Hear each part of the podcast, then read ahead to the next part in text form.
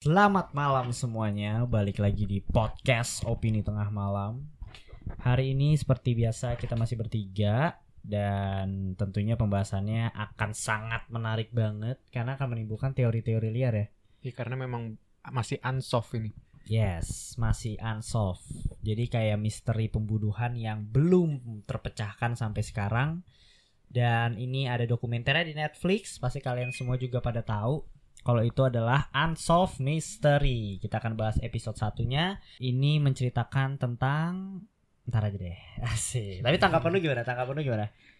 Dari Faris nih. Kayak ini sih menurut gue malah kayak kayak film-film anjir.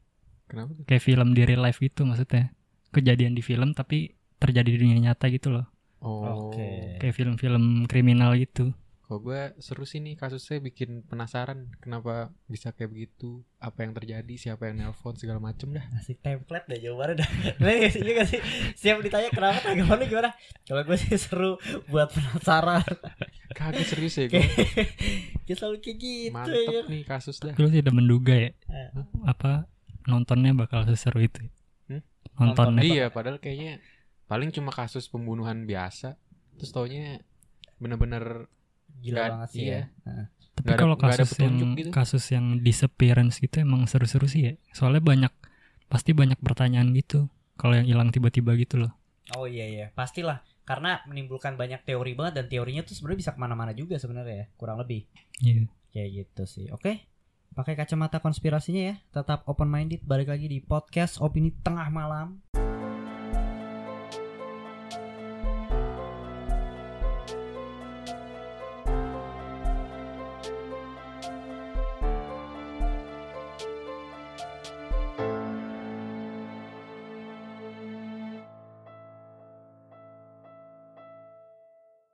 Nah, apa kabar nih para pendengar?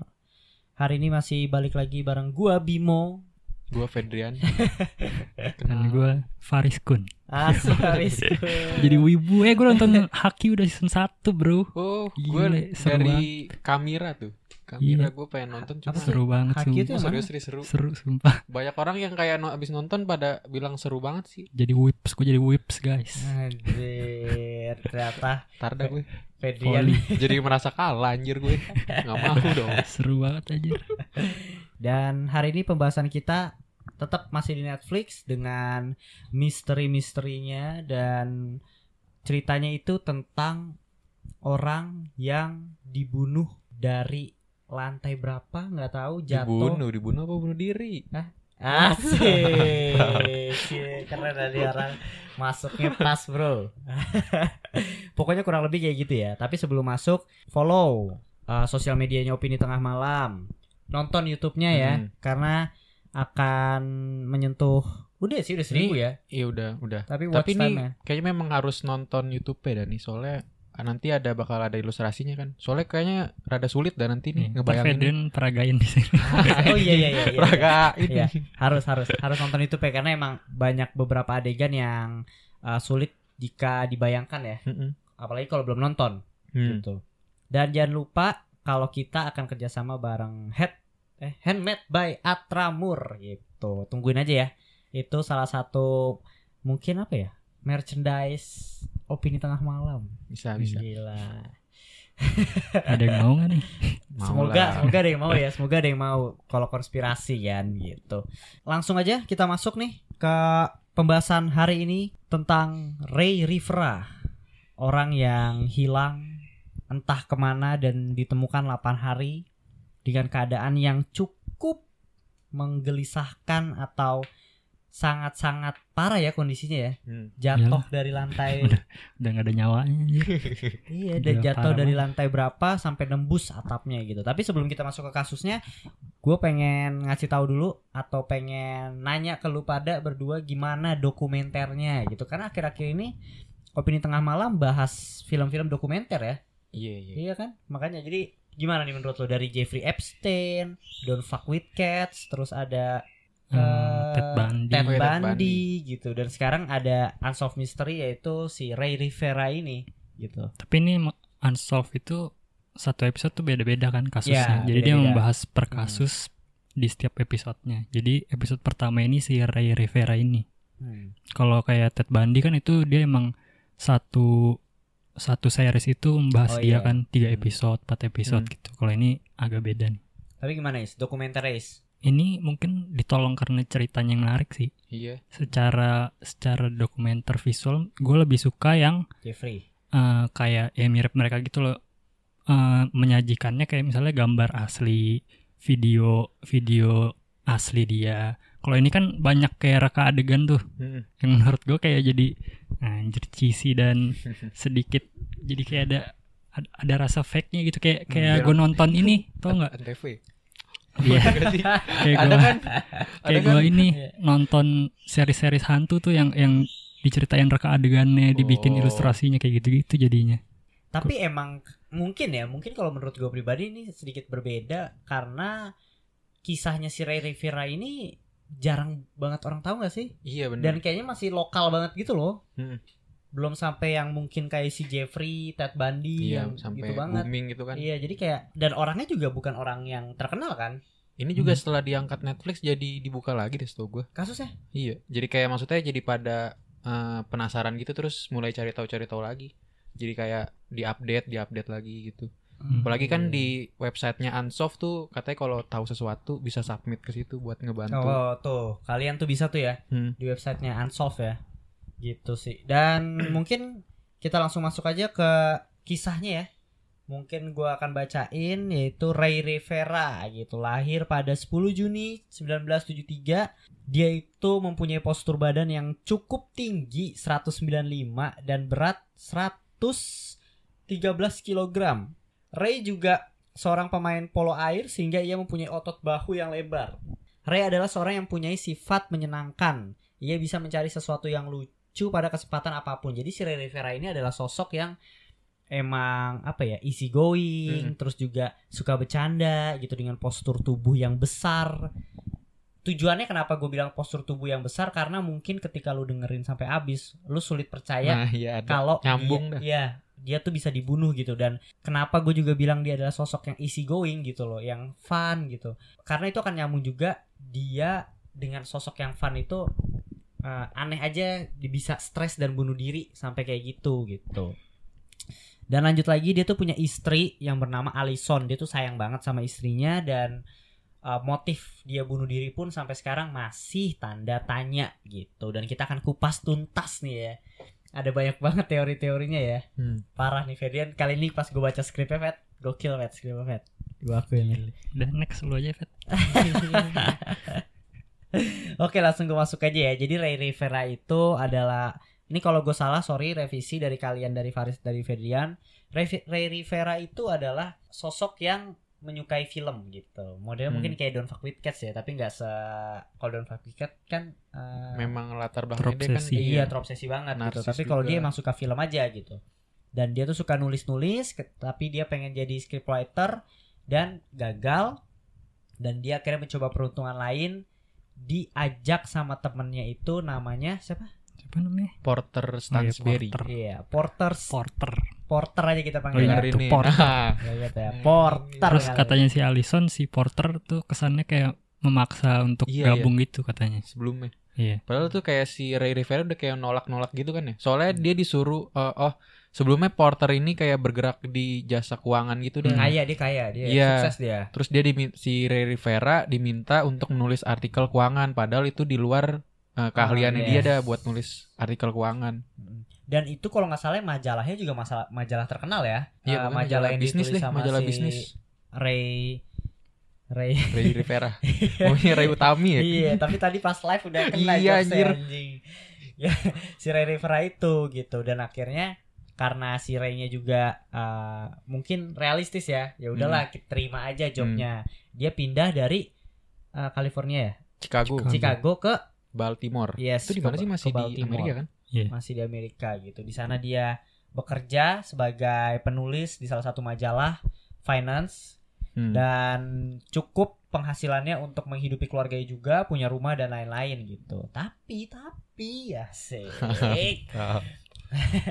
dia ini kisahnya terjadi gue skip aja ketika si Alison ini kan kerja juga dia Hmm. itu lagi apa ya namanya ya? Bisnis trip. bisnis Hmm. trip dia lagi bisnis trip dan pas dia check in di hotel dia telepon si Ray-nya si Ray-nya kok nggak jawab gitu ini hal yang cukup aneh nih buat Hmm. Alison karena Ray nggak mungkin hilang gitu aja Bucin pasti angkat ya. iya pasti angkat Maaf. gitu.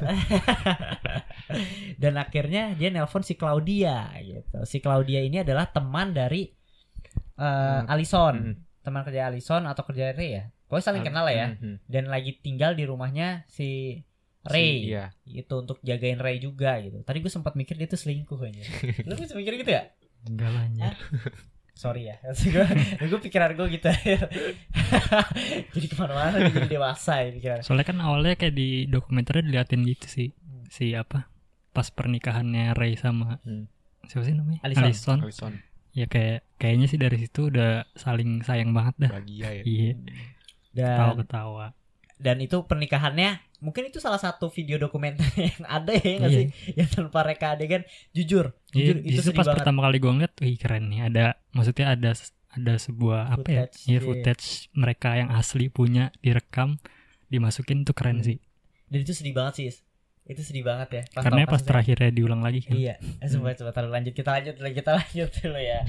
Dan tadi nyampe mana dia nelpon Claudia kan. Kata si Mhm. Claudia, Ray pergi Hmm. ketika abis nerima Telepon. Telepon. Tapi Terima bukan teleponnya Alison. Iya, bukan telepon Mhm. Alison. Jadi sebelum Alison nelpon, Ray ditelepon duluan gitu loh. Hmm. Dan akhirnya si Ray-nya pergi secara terburu-buru katanya ya. Iya. Langsung naik mobil. Nah, si Alison cem apa kayak cemas nih. Hmm. Karena dia balik ya kalau nggak salah ya, belum sempat Ya insting dah, insting istri dah ya. Iya sumpah dah insting istri Mm. banget dah. Langsung dia balik dan di situ Ray udah nggak pernah pulang lagi. Dia ngilang. Coba Hmm. analisa pendengar gimana nih? Misalnya, iya coba kan aneh banget kan. Iya. Gue pas pertama kali nonton nih, gue awalnya gimana ya? Udah malam banget Hmm. dan kepaksa nonton gara-gara mau buat konten ini Hmm. kan. Pas nyampe situ bangun gue, melek gue. Maksudnya kayak gila anjir gimana dia bisa hilang dengan kondisi yang kayak gini gitu loh. Dan akhirnya si Alison ini mulai ngubungin uh, keluarganya ya, kakaknya ya, Mhm. apa ibunya gitu. Akhirnya terbang langsung ke rumahnya si Ray itu. Nah, di sinilah misterinya ya, akan kita ungkap bareng-bareng gitu. Dan singkat cerita, dia ngubungin polisi, akhirnya mulai pencarian nih. Mulai pencarian si mereka buat apa sih kayak poster hilangnya Ray disebar-sebar ke mana-mana, tapi nggak ada juga. Itu kalau di dokumenter itu lengkap ada timelinenya. 8 hari ya mereka nyari ya. Hmm. Eh, 6 apa 6 ya? Kalau nggak salah hari ketujuh deh dia nyari. Eh ketemu itu mobilnya tuh. Oh iya. Nah, Pokoknya nyari semingguan lah. dia nyari semingguan nih dan sampai akhirnya orang tuanya yang nemuin. Mhm. Orang Sama tuanya Alison, eh sama Alison nggak sih? enggak sama orang tuanya Berdua doang. doang ya? Heeh. Orang tuanya ngomong kayak ini mobilnya. Ah masa sih? Gitu maksudnya. Ada gitu aja ya gitu. Iya iya iya. Itu kalau dubbing Indo ya. itu kalau flux cup tuh yang, yang dubbing tuh. Habis itu bilang enggak bener-bener. Nah ternyata si mobilnya Ray ini terparkir di salah satu hotel yang mungkin si Alison pun bertanya-tanya semua keluarganya semua orang yang terlibat tuh bertanya-tanya kayak men nggak mungkin banget si Ray itu parkir di hotel yang yang mungkin mereka berdua belum pernah ke sana Hmm. dan itulah hal yang mengganjal pertama ya itu yang menjadi misterinya juga yang kayak ini Ray kenapa ke sini gitu Gue lebih mengganjal karena kenapa mobilnya di situ dan Ray-nya nggak ada sih. Iya. Kecuali lu nggak nemuin mobilnya gitu loh. oh sampai ada surat tilangnya kan ya Iya. Ada. Berarti kan tandanya itu udah lama di situ kan. Aha. Itu sih yang bikin kenapa mobilnya di sini orang yang nggak balik-balik ya. Tapi lu tau gak yang nelpon dia tuh siapa? Nelfon siapa? Yang Ray. nelpon si Ray pas dia. Siapa? Itu katanya dari si porter gitu. Bukan porter maksudnya Dari, dari urusan pekerjaan katanya. Kata siapa? Setelah gue baca, baca? di wiki iya tadi. Ih, spoiler deh kan nanti gue pengen deh. Oh. Ini Gua pasti gara-gara- kalian asik. Gara-gara itu aja gue jadi kayak ternyata soalnya kalau di Netflix nggak dikasih tahu kan, cuma di telepon doang kan. Iya. Setelah gue baca di Wikipedia ternyata urusan pekerjaan. dan dia buru-buru akhirnya ke Mhm. salah satu hotel itu kan gitu. Dan sebenarnya eh, itu tadi mobilnya ada, ada surat tilang tapi si Ray-nya nggak ada. Mm-mm. Akhirnya Dan enam hari pokoknya terparkir tuh udah enam hari gitu dan akhirnya polisi tetap mencari dan kerennya adalah rumahnya Alison tuh jadi kayak detektif gitu nggak sih lo? Oh iya iya iya. Keren ya? Mereka pada nyari tuh keren banget sih dan mereka mencoba bertanya ke pihak uh, hotel ya. Nama hotelnya apa, Pet? Belvedere. Ya susah banget lagi. Belvedere Belvedere. nama hotelnya. Bisa cari di Red Doors. Red Doors anjir. ya, maksudnya eh, nama hotelnya itu dan anehnya adalah si pihak hotelnya ini juga nggak pernah kedatangan si Ray ini katanya kan. Hmm. Ray-nya ini nggak pernah masuk hotel itu dan Ray-nya ini juga nggak pernah berkunjung sampai CCTV-nya pun nggak pernah nangkep kalau si Ray itu pernah kesa- masuk ke sana gitu. Ini cukup aneh gitu. Dan gue singkat cerita lagi nih sebelum masuk ke fakta atau teorinya. 8 hari kemudian Ray ditemukan di salah satu gudang ya mungkin ya. Gudang Iyalah bukan sih? pokoknya. Gudang Tahu gue, kayak gudang. ruangan. Ruangan Tapi gitu di ya. hotel kan ya. Iya itu. di samping hotel ya. Masih Tapi itu masih- di ruangannya nggak dipakai. Oh di ini di ruang meeting. Ingat Ruang- gue. Iya, tapi Iya. itu masih satu kepunyaan si hotel Belvedere itu udah pokoknya. Iya masih tapi jarang emang buat meeting doang kan Hmm. gitu. Dan ditemuin di situ dengan keadaan yang cukup mengenaskan yaitu mayat dalam posisi tengkurap sudah busuk Peragain. selama 8 hari. Sudah busuk selama 8 hari gitu loh. Beberapa tulang rusuk patah, paru-paru tertusuk, terus eh, kerusakan pada tengkorak, tengkorak kepala, dua bagian yang patah di kaki kanan sehingga tulangnya mencuat keluar gitu. Serem anjir. dan dan Ray itu menembus atap dari ruangan tersebut. Ruangan tersebut tuh bolong. Hmm. Ruangan tersebut bolong, tapi anehnya ini menurut gua, Hmm. dia ditemukan dalam keadaan yang berjalan menuju pintu keluar. Oh, Lu baru tau nggak? baru. Ibaratnya jatuhnya di di atas lu nih. Heeh. Pintu keluarnya ra- rada jalan beberapa meter deh, satu atau dua meter. Dan dia ditemuin tuh deket pintu keluar. Harusnya kalau jatuh dari atas ya lu udah mati masa eh dari ketinggian eh gimana ya lokasinya gue jelasin untuk podcast ya. Pokoknya itu tinggi banget dan dia tuh kayak di tengah-tengah gitu, nggak mungkin orang bisa bunuh diri ke sana. Kalau dia naik ke balkon atas, dia lompat nggak bakal nyampe ke tempat si Ray itu Hmm. karena akan jatuh sebelum ke tempat Ray itu. Jadi nggak mungkin banget. Ada akses, tapi aksesnya eh, harus punya security card misalnya kayak gitu dan biasanya pintunya kunci terus cuma lewat jendela, jendela yang sangat kecil dan akses ke sananya pun harus lewatin beberapa kamar, Hmm. kamar orang. Tapi di CCTV Ray nggak pernah tertangkap kamera gitu. Tadi kan kita berasumsi kalau ini bunuh diri. Hmm. Kita Ternyata masih- kalau dari sudut pandang dia bunuh diri, lobang tadi itu tuh sangat tidak masuk akal. Kalau dari eh, apa sih namanya arsitek Eh, orang nyampe ke lobang itu gitu loh. Iya, Meskipun iya, dia lari terus loncat, dia nggak bakal nyampe situ secara ada- logika. iya, ada gap Karena jauh itu banget iya kan. jauh banget Hmm. Dari dari atap yang paling tinggi ke situ tuh jauh banget.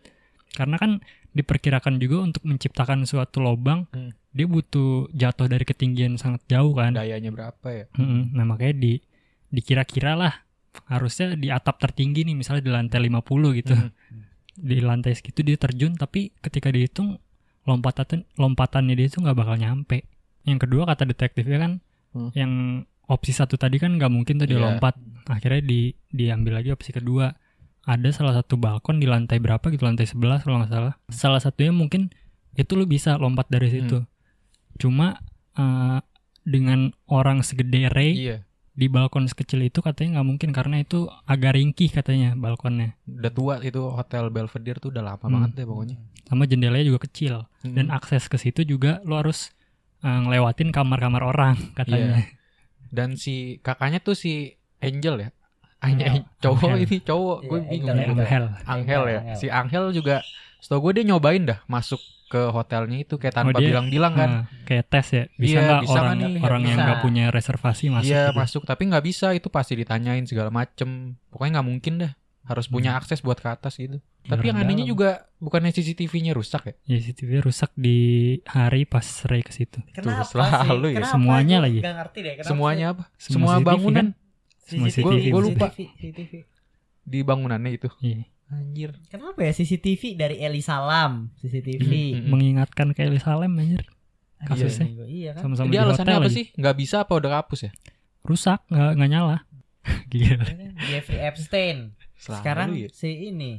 alasannya ini mulu ya rusak Dan nggak nyala ada satu lagi Fat yang mengganjal itu adalah itu atapnya itu dari besi. Hmm. iya padat Atap itu katanya ada lapisan besinya Ada atapnya bukan maksudnya bukan atap genteng atau seng ya. Kalau seng Mm, mah mm, mm. kucing jatuh juga kedebuk. Tebel kok pokoknya tebel lah. Iyalah, Kalau lu lihat- hotel, lu lihat hotel, gambar. bro. Iya ya. Pasti harus aman kan. Mm-mm. Kalau dia ngelompat dan dia jatuh, dia tuh nggak ada bunyi jatuhnya. Iya sih, itu yang gue bingung juga sih. Maksudnya kan untuk terciptanya suatu lubang yang terbuat dari besi kan pasti ada Hmm. dentuman yang cukup keras kan buat orang-orang yang tidur di situ dengar gitu loh. Dan anehnya adalah HP dan kacamata seperti diletakkan dan tidak tergores sedikit pun gitu. Dan yang gue tahu juga eh, sendalnya pun Hmm. sendalnya kalau nggak salah satu rusak, satu enggak gitu. Tapi ini gue tahu sih sebenarnya kalau dikaitin sama sendal ya. Maksudnya ketika orang jatuh dari ketinggian yang begitu tinggi, dia jatuh tembus ke bawah, masa barang kayak HP dan kacamatanya nggak hancur sih gitu loh. Sedangkan organ tubuhnya aja Iya. hancur gitu. Sampai gue ya jatuh dari kasur tak. iya. Itu tinggi banget tuh. Kalau Makanya misalkan dilihat kemungkinan jatuh dari atas gedung. Kalau yang sendal nyambungnya kayak yang ini sih, yang dia lari. Kalau kan ketika lu lari ingin lompat ke lubang itu kan, kalau lu pakai sendal jepit pasti lari lu keplek-keplek kan, jadi agak susah. Kalau dibanding nyeker atau pakai sepatu gitu. harusnya sendalnya taruh tangan. Iya. gitu. Tapi ini berarti masih ngomongin kemungkinan dia bunuh diri ya. Iya. Hmm. Tapi ada juga loh di ngomongin sama si Alisonnya katanya itu kan dia takut sama ketinggian. Oh, Dan kalau iya, menurut gua kalau orang mau bunuh diri mah nggak mungkin cari cara yang susah-susah. orang aja. yang takut ketinggian Iya. bunuh dirinya ini ya. ketinggian anjir. Harusnya mah yang lebih gampang lah. Iya Nah, kan? oh ini Fed. Anehnya adalah kalau seandainya dia bunuh diri, kenapa dia harus bunuh diri di tempat yang uh, uh, crowded gitu loh? Iya nggak Hmm, sih? Pengen pengen dicegah kali ya? Eh nggak mungkin juga susah kan? Eh bukan deng, itu kalau dia dibunuh. Hmm. Kalau dia dibunuh, kenapa dibunuhnya harus di hotel yang kayak gitu? Kenapa nggak diculik di hutan gitu? Kalau dia Hmm. dibunuh bukan kalau dia bunuh Hmm. diri. Iya nggak sih? Ya karena biar dikira bunuh diri. Oh iya. Jawabannya sangat simpel anjing. Kena tipu gua. Jadi eh, ada beberapa teori sebenarnya, tapi sebelum masuk teori kita masuk ke fakta sebelum Ray Rivera menghilang gitu. Jadi katanya ini sebelum Ray Rivera menghilang, istrinya Alison mengatakan bahwa Ray menjadi lebih protektif. Dia sering bersikeras untuk menemani ke mana pun Alison pergi katanya. Hmm. Terus pada apa musim panas 2006 gitu loh mereka mengunjungi Los Angeles untuk merencanakan kepindahan mereka tapi setelah kembali ke Baltimore si Ray menjadi gelisah dan gugup bukan seperti karakter Ray biasanya dia mulai ikut ke mana pun Allison pergi dan tidak akan membiarkan Allison melakukan sesuatu sendirian gitu jadi kayak udah mulai Kayak di film ya. Breaking Breaking Bad banget ya gitu. Kayak gitu. Oke. Dan si seminggu sebelum Ray menghilang, Ray menemani Allison untuk pergi jogging di taman. Saat Allison sedang jogging, Ray yang sedang duduk sambil membaca buku datang seorang pria gitu loh. Dan si Ray mulai panik. Padahal pria itu cuma lewat gitu. loh. Hmm. Tapi dia kayak overprotective gitulah terhadap si Allison ini gitu. Terus beberapa hari kemudian terjadi insiden di rumah Ray dan Allison. Nih ada nih di dokumenternya. Alarm rumah mereka berbunyi dan mengharuskan Ray untuk mengecek dan mematikan alarm tersebut. Sehari sebelum Gitu. Eh, Sehari sebelum. sehari sebelum. Tanggal Sehari 15 sebelum Mei kan. Aduh, gue lupa. Tapi setahu gue emang dua kali dah Kan kejadian. menghilangnya tanggal 16. Terus Hmm. si Alison bilang katanya tanggal 15 sebelum dia yang hilang. Katanya malamnya itu kan alarm bunyi itu. Hmm. Ada Tapi yang dia ada- langsung bawa Pemukul baseball. iya baseball katanya takut matanya gitu. Iya. Ray padahal orangnya nggak pernah takut gitu kan. Iya padahal maksudnya badannya gede lah itu dua 195, udah hampir dua dua meter anjir Iya. Iya anjir. Kalau misalnya maling juga pasti dia berani gitu ya. dua meter untuk ukuran apa orang bule Latin mah serem kan ya Iya makanya tapi kayak ini sebenarnya menarik banget sih. Jadi kayak gak ada yang tahu gitu loh berarti motifnya. kayak lawan orang maksudnya orang berkuasa gitu loh. Bersenjata. iya maksudnya, bersenjata Oh, api. iya. itu Bersenjata ber- api atau- berkuasa gitu loh itu sih keganjalan-keganjalan yang menurut gua itu nggak ada di dokumenter ya. Kurang lebih dia overprotective terhadap si Allison ini sendiri gitu. Dan akhirnya teori-teori liar pun muncul nih gitu. Dan oh iya ini ternyata gue keskip nih. Kasusnya Ray ini menjadi titik temu atau menjadi titik di mana mulai ada clue itu setelah Allison menemukan surat di belakang meja komputernya si Ray di belakang komputernya Ray kalau nggak salah dan isinya apa sih itu kayak random gitu sih Iya tapi menurut gue kayak not abstrak gitu Hmm. dah. Maksudnya jatuhnya. kayak lagi nulis ini nih terus sudah di save gitu ya. Dia nulisnya berarti di Word gitu kan ya? Soalnya kayak di print gitu kan? tahu kayaknya sih Hmm. tapi gue kayak setelah dikasih tahu ada notes itu gue malah nggak bisa menyambungkan ke apa-apa Hmm. lu gimana Gue nggak tahu sih itu kayak bukan kode karena isinya juga aneh gitu. Terus apalagi dijelasin sama Alison kalau si Ray itu Iya. orangnya suka nulis apa aja gitu yang keluar di pikirannya Hmm. dia jadi abstrak abstrak abstrak pun keluar Oh iya, berarti gue juga mikirnya kalau seandainya dia emang buat suatu cerita gak sih? iya emang dia kreatif aja gitu orangnya Ya, Nulis- pikiran nulis apa-apa, segalanya terus gitu. dicatat gitu ya. Hmm, siapa terus tahu kan buat buat ceritanya dia gitu Dan ini juga sih sebenarnya tulisan itu bisa dijadiin teori juga gitu. Hmm, Jadi katanya iya. tapi masih ada di- kemungkinan ya ada itu sebuah kode gitu. katanya Jadi di Discord kita, di grup Discord kita, salah satunya bernama Lucy kalau nggak salah ya. Hmm. Dia itu uh, mempunyai teori kalau seandainya tulisannya itu kan pot potongannya nggak rapi ya, bukan kayak kertas biasa Hmm. ya. Itu bertuliskan help. Tapi gue bingung sih, maksudnya nanti nanti ada ada fotonya ya di di YouTube. Gue bingung kalau seandainya tulisannya help, ngapain dia kayak minta tolong tapi apa nggak nulis ya? Iya kenapa dia nggak nulis help gitu? Kenapa harus kayak kayak kode banget gitu loh? Iya gak sih? Itu itu tapi cuma cocok logi sih kalau menurut gue ya. Dan eh, teori lain adalah ini kita udah bahas-bahas teori aja ya teori liar ya. Kenapa Ray bisa jatuh dari ketinggian dan menjebol atap? Ada yang berteori kalau dia dijatuhinnya dari helikopter. Ya gue mikir gitu. Nah, iya awalnya juga gue gitu sih. Helikopter harusnya sih. Cuma harusnya kan berisik kan kalau helikopter. Iya. Maksudnya pasti orang lalu lalang mah pasti ngelihat itu helikopter. Enggak tapi kalau misalnya helikopter jalan nggak curiga sih cuma bunyinya tapi maksudnya masih curiga bunyi Pasti helikopter ada orang jalan yang- terus berhenti tiba-tiba ada orang nggak berhenti dong Jadi langsung di ini kan. tapi kan biasanya ya maksudnya kayak anak-anak kecil kalau lihat helikopter helikopter helikopter Tapi kenapa gitu bisa loh. pas banget Iya, gitu itu loh. anak kecil Indonesia kali anak kecil bule udah biasa Tapi kalau kayak gitu berarti perhitungannya tepat banget dong. nggak sengaja mungkin Bis, berarti bisa turunnya di jalanan dong, Riz. iya mungkin Kalau kayak gitu mah pasti langsung ketahuan pembunuhan dong. Berarti dia harus berhenti dulu dong. Berhenti Iya setengahnya dikit, dorong, Baru langsung. dorong. Pasti orang kalau lalu-lalang pasti inget lah. tapi Pada gimana tanggal segini, maksudnya enam hari yang lalu pasti mereka pada mikir kayak, eh ini pernah ada helikopter lewat gitu. Nggak mungkin kalau nggak inget dah, setahu gue. tapi gini Fat Kecuali memang sepi banget. kalau sana. seandainya dibawa ke helikopter pun gimana caranya mereka menyekap Ray sampai bawa badan segede gitu nggak memberontak di ancaman todong pistol udah pasti. ancaman keluarga lah Iya sih.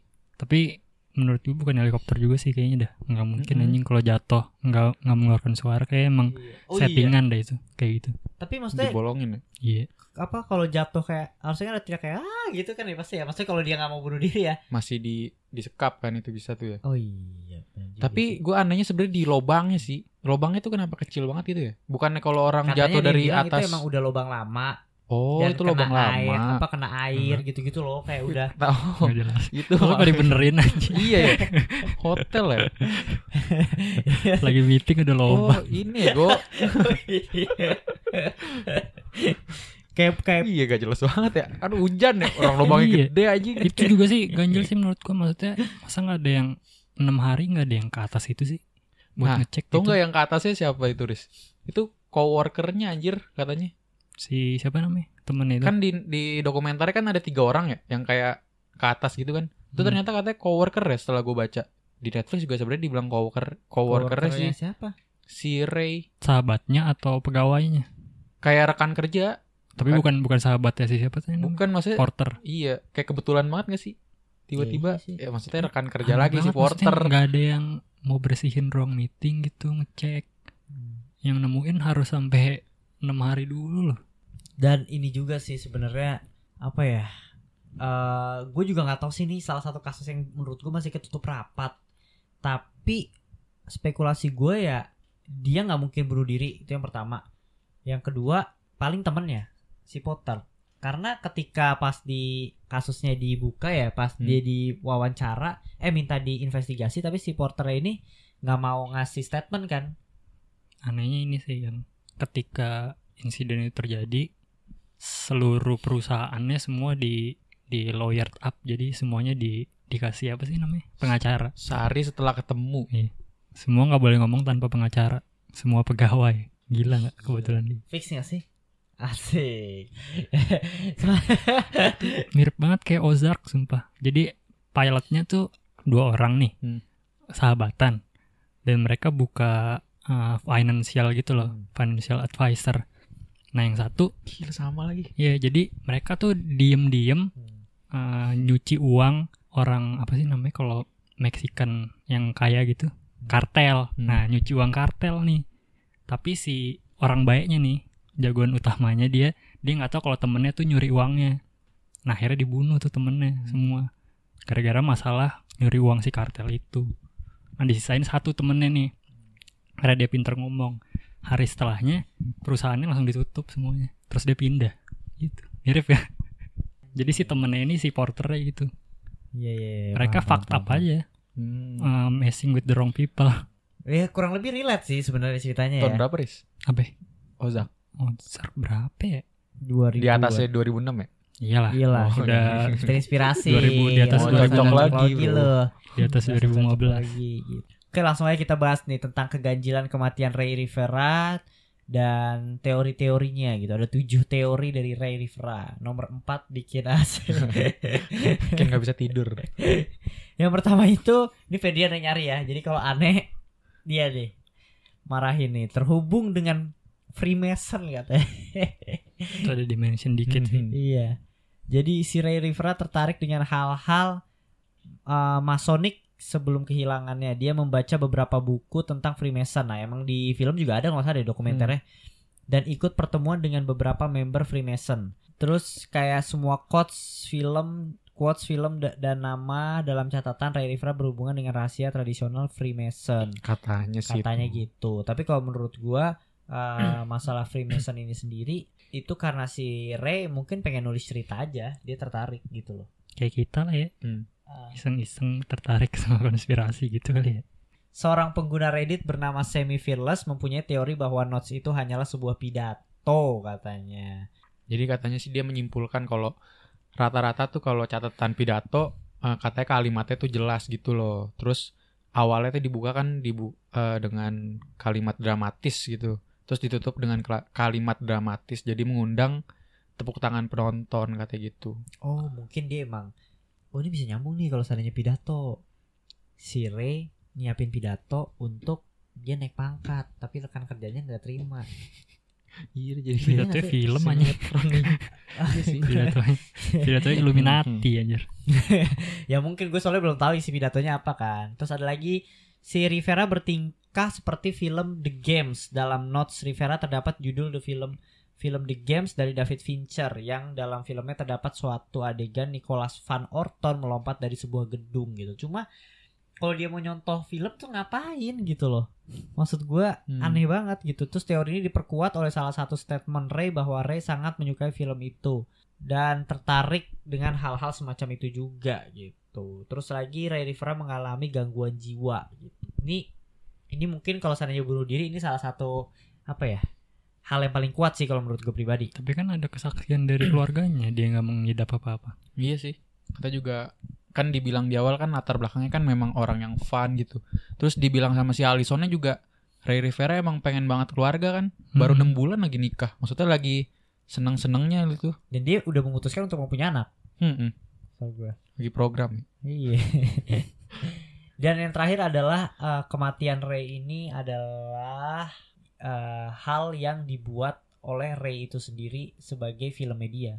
Iya. Jadi kayak dia membuat cerita yang dimulai di mana dia meninggal gitu atau enggak diakhiri dengan dia meninggal Aneh, gitu. tapi maksudnya kalau kayak Don't Hmm. Fuck With Cats kan si kreator itu bisa menyaksikan karyanya Hmm. Ray nggak bisa menyaksikan karyanya iya sih. Kayak gitu. Dan udah sih udah habis sih kayak gini dan mungkin langsung aja ke teori-teori liar kita bareng-bareng gitu. Dan kalau lu gimana Fat? Dibunuh apa ngebunuh? Eh, Gua- dibunuh apa? Dibunuh bunuh diri? Gue dari banyaknya fakta sih sama setelah nonton gue lebih percaya dia dibunuh sih. Tapi dibunuhnya sih kemungkinan besar sama si Porter itu sih. Porter Stansberry itu. Oke. Soalnya banyak banget sih kejanggalan, itu paling kejanggalan-kejanggalan. mudah lah. Kalau menebak-nebak mah paling mudah. Tapi gimana caranya sampai atap tembus dan Nah, dia ada di itu ruang gimana meeting? caranya sama settingan kalau menurut gua Iya udah udah dibunuh duluan udah mati dibunuh diapain kek di dia Black. bolongin logamnya? Ya, tahu dia pasti menurut gue ya pasti dia harus ada eh, kerjasama sama pemilik hotel Oke, Harusnya pemilik ya. hotel Hmm. berarti dia. pasti karena duitnya banyak Hmm. ya kan Hmm. disuap suruh sembunyiin orang-orang nggak ada yang denger nggak Hmm. mungkin nggak ada yang lihat tray nggak mungkin CCTV mati nggak mungkin itu udah jelas banget sih menurut gue ya Hmm. gitu sih Dan- jadi emang ditaruh aja di situ mayatnya terus dilobangin Iya terus kalau soal bolongan, kalau menurut gua kok bukannya kalau orang jatuh, emang bisa sampai bolongannya kecil loh itu. Emang bisa sampai bolong Gini kayak gitu ya? Soal iya kan, soalnya kan tangannya bisa ke mana-mana, kakinya bisa ke mana-mana. Maksudnya itu bolongan kecil banget. kalau nggak Dan salah nggak mungkin. lu kalau mau eh, ngelewatin bolongan itu lu harus posisi berdiri gitu loh ya nggak Mm-mm. sih jadi nggak kan kalau jatuh orang pasti telentang Iya kan? kan, Mm. Iya. Lagi telentang posisinya kata masuk. dia tengkurap. Masa dia jatuh diri dulu baru tengkurap dulu? nggak mungkin kan? Dan dia berjalan beberapa Nah, beberapa meter untuk jalan. ke pintu Iya. gitu. terus ada juga akses hotel mm-mm. ya kan dia nggak bakal bisa ke situ tanpa eh, akses hotel pasti harus kenal orang atau yang punya reservasi di hotel itu terus katanya katanya si manajernya ya Hmm. si Belvedere Hotel itu tuh kayak apa ya tempat tempat yang sering dikunjungin oleh orang-orang mau ketemuan gitu Jadi katanya- Oh. ayo kita ketemuan di Belvedere Hotel ayo kita ketemuan di Belvedere Hmm. Hotel mungkin pas ditelepon emang dia disuruh ke situ sih kayaknya Hmm, Si Ray.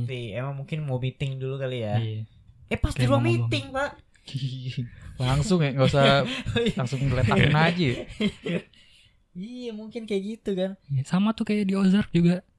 Pas dia lagi malam ditelepon sama temennya. Katanya, ah Marty, lo harus ke sini katanya. Di sini ada namanya nama musuhnya si- siapa gitu gue lupa. Ada si ini. Udah dia langsung matiin, langsung tahu dengar nama itu dia langsung ngebut. Hmm. Mirip kayak gitu. Anjing. Tapi kalau kemat apa jasadnya kayak gitu kemungkinan matinya bu cuman jatuh dari ketinggian gak sih? Nah, Apa harus ada cara lain ya? Iya, jasad Kayak disiksa gimana, deh. Is? Tapi Maksudnya? jasad apa Maksudnya tengkoraknya katanya pat tengkoraknya patah. tengkoraknya kan retak, rusuknya patah. Eh, yang paling kalau dipukulin ini sih apa tulang betis yang sampai keluar sih bukan itu harus kena dorongan force yang kuat banget ya baru Ah, bisa kalau keluar ya? kan diinjak nggak bisa. Gue Emang bisa ya? Kalau bang masih masih bisa. Pikiran kalau gue ngelobang mikirnya sih paling kayak bola besi gitu lu lempar dari atas masih bisa kali ya.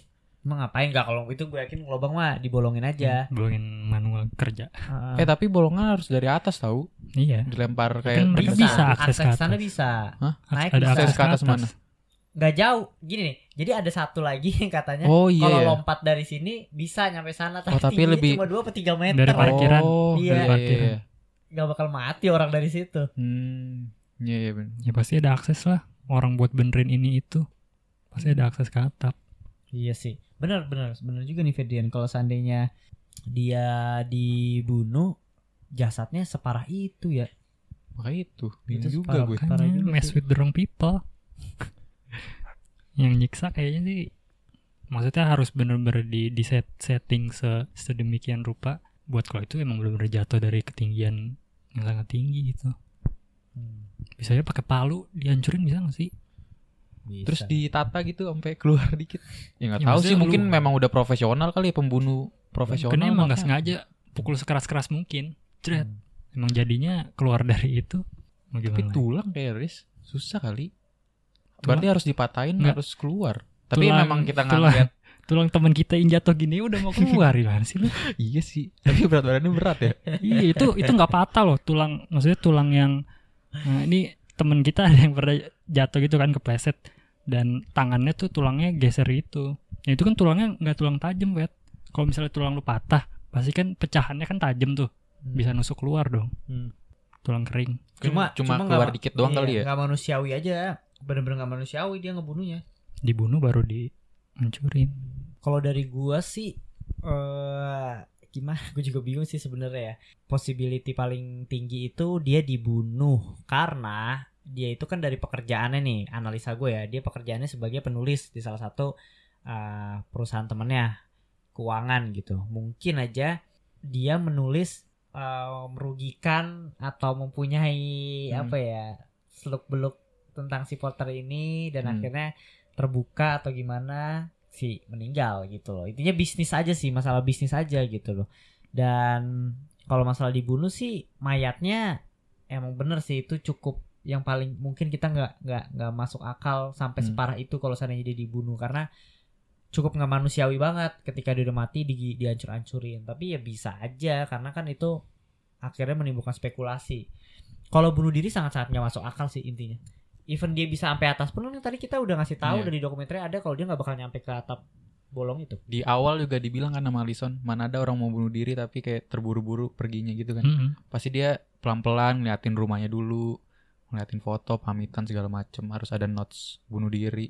Ini enggak, tau-tau ngilang aja. Iya, Kalau menurut gue gitu sih kayaknya sih kan emang dia perusahaan keuangan kan ya. Hmm.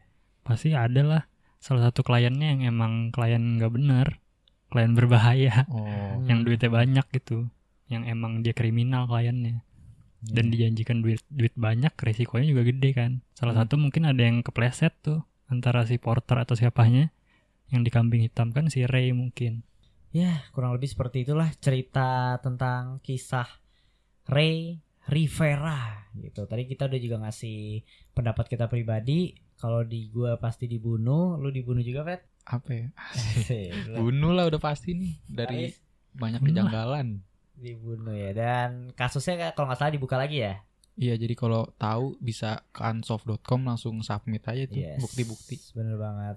Ini kita dari tadi sudah diskusi seputar teori-teori yang sebenarnya possibility-nya nggak ada. Ya paling kuat dibunuh gitu loh. Mhm. Tapi ya nggak ada yang tahu kan gitu. Mungkin kalau nyari barang bukti dari sekarang pun udah susah juga gitu loh. Iyalah, kita cuma Emang bisa kuncinya di Porter sebenarnya. Nggak dia, mungkin dia dia, nolak ya. nggak mungkin dia nggak tahu apa-apa kalau dia nggak melakukan itu. Itu- Sahabatnya lagi, Iya.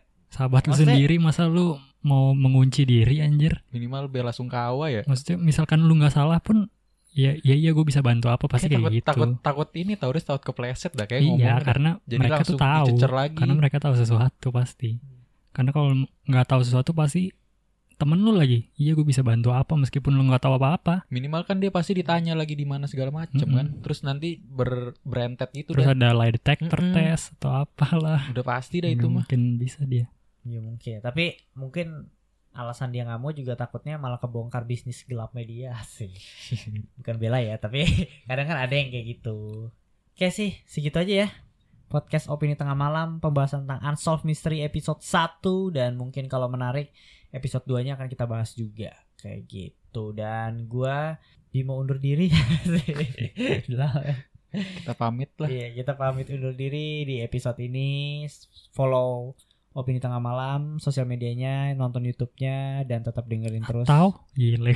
Baru nemu lagi. Apa, apa, Iya, apa, apaan? apa, Riz, perlu kasih? Jadi mungkin si Ray tahu kalau si Porter ini kotor, main kotor. Cuma Hmm. orangnya kan bener nih. Hmm. Iya. Terus akhirnya dihilangin lah sama si Porter dan Iya, rekan gelapnya. Dia mau nulis kan? Mau Ya, nulis pokoknya- sesuatu Pokoknya di- dia nggak setuju lah bercek bercekcok. Hmm. karena majalahnya Moralnya dia emang moral orang baik. majalahnya juga majalah terkenal untuk finance gitu loh. Untuk keuangan Dipercaya tuh ya? terkenal, terpercaya gitu. Jadi kalau seandainya si Porter nggak tahu si Ray nulis itu kesebar luas banget, bisa ngancurin karirnya si Porter juga. Gitu. Jadi dibuka. Lagi. Tapi Takut ngelapor ke polisi gitu. Gue ikutan sih aja kan kesel ya kan. Kayak gitulah. Mas serius nih, serius kan nih? nggak ada. Ya, Nonton, nonton aja lah. Nonton udah ya. sih Iya, pasti kalau masih berpikir bunuh diri kayaknya gak mungkin dah. Iya, nggak Iya. mungkin. Biasa nonton Unsolved, nonton Ozark. Nah, Good. nonton. Unsolved, nonton Ozark gitu dan tetap dengerin terus podcast Opini Tengah Malam sampai ketemu di episode berikutnya.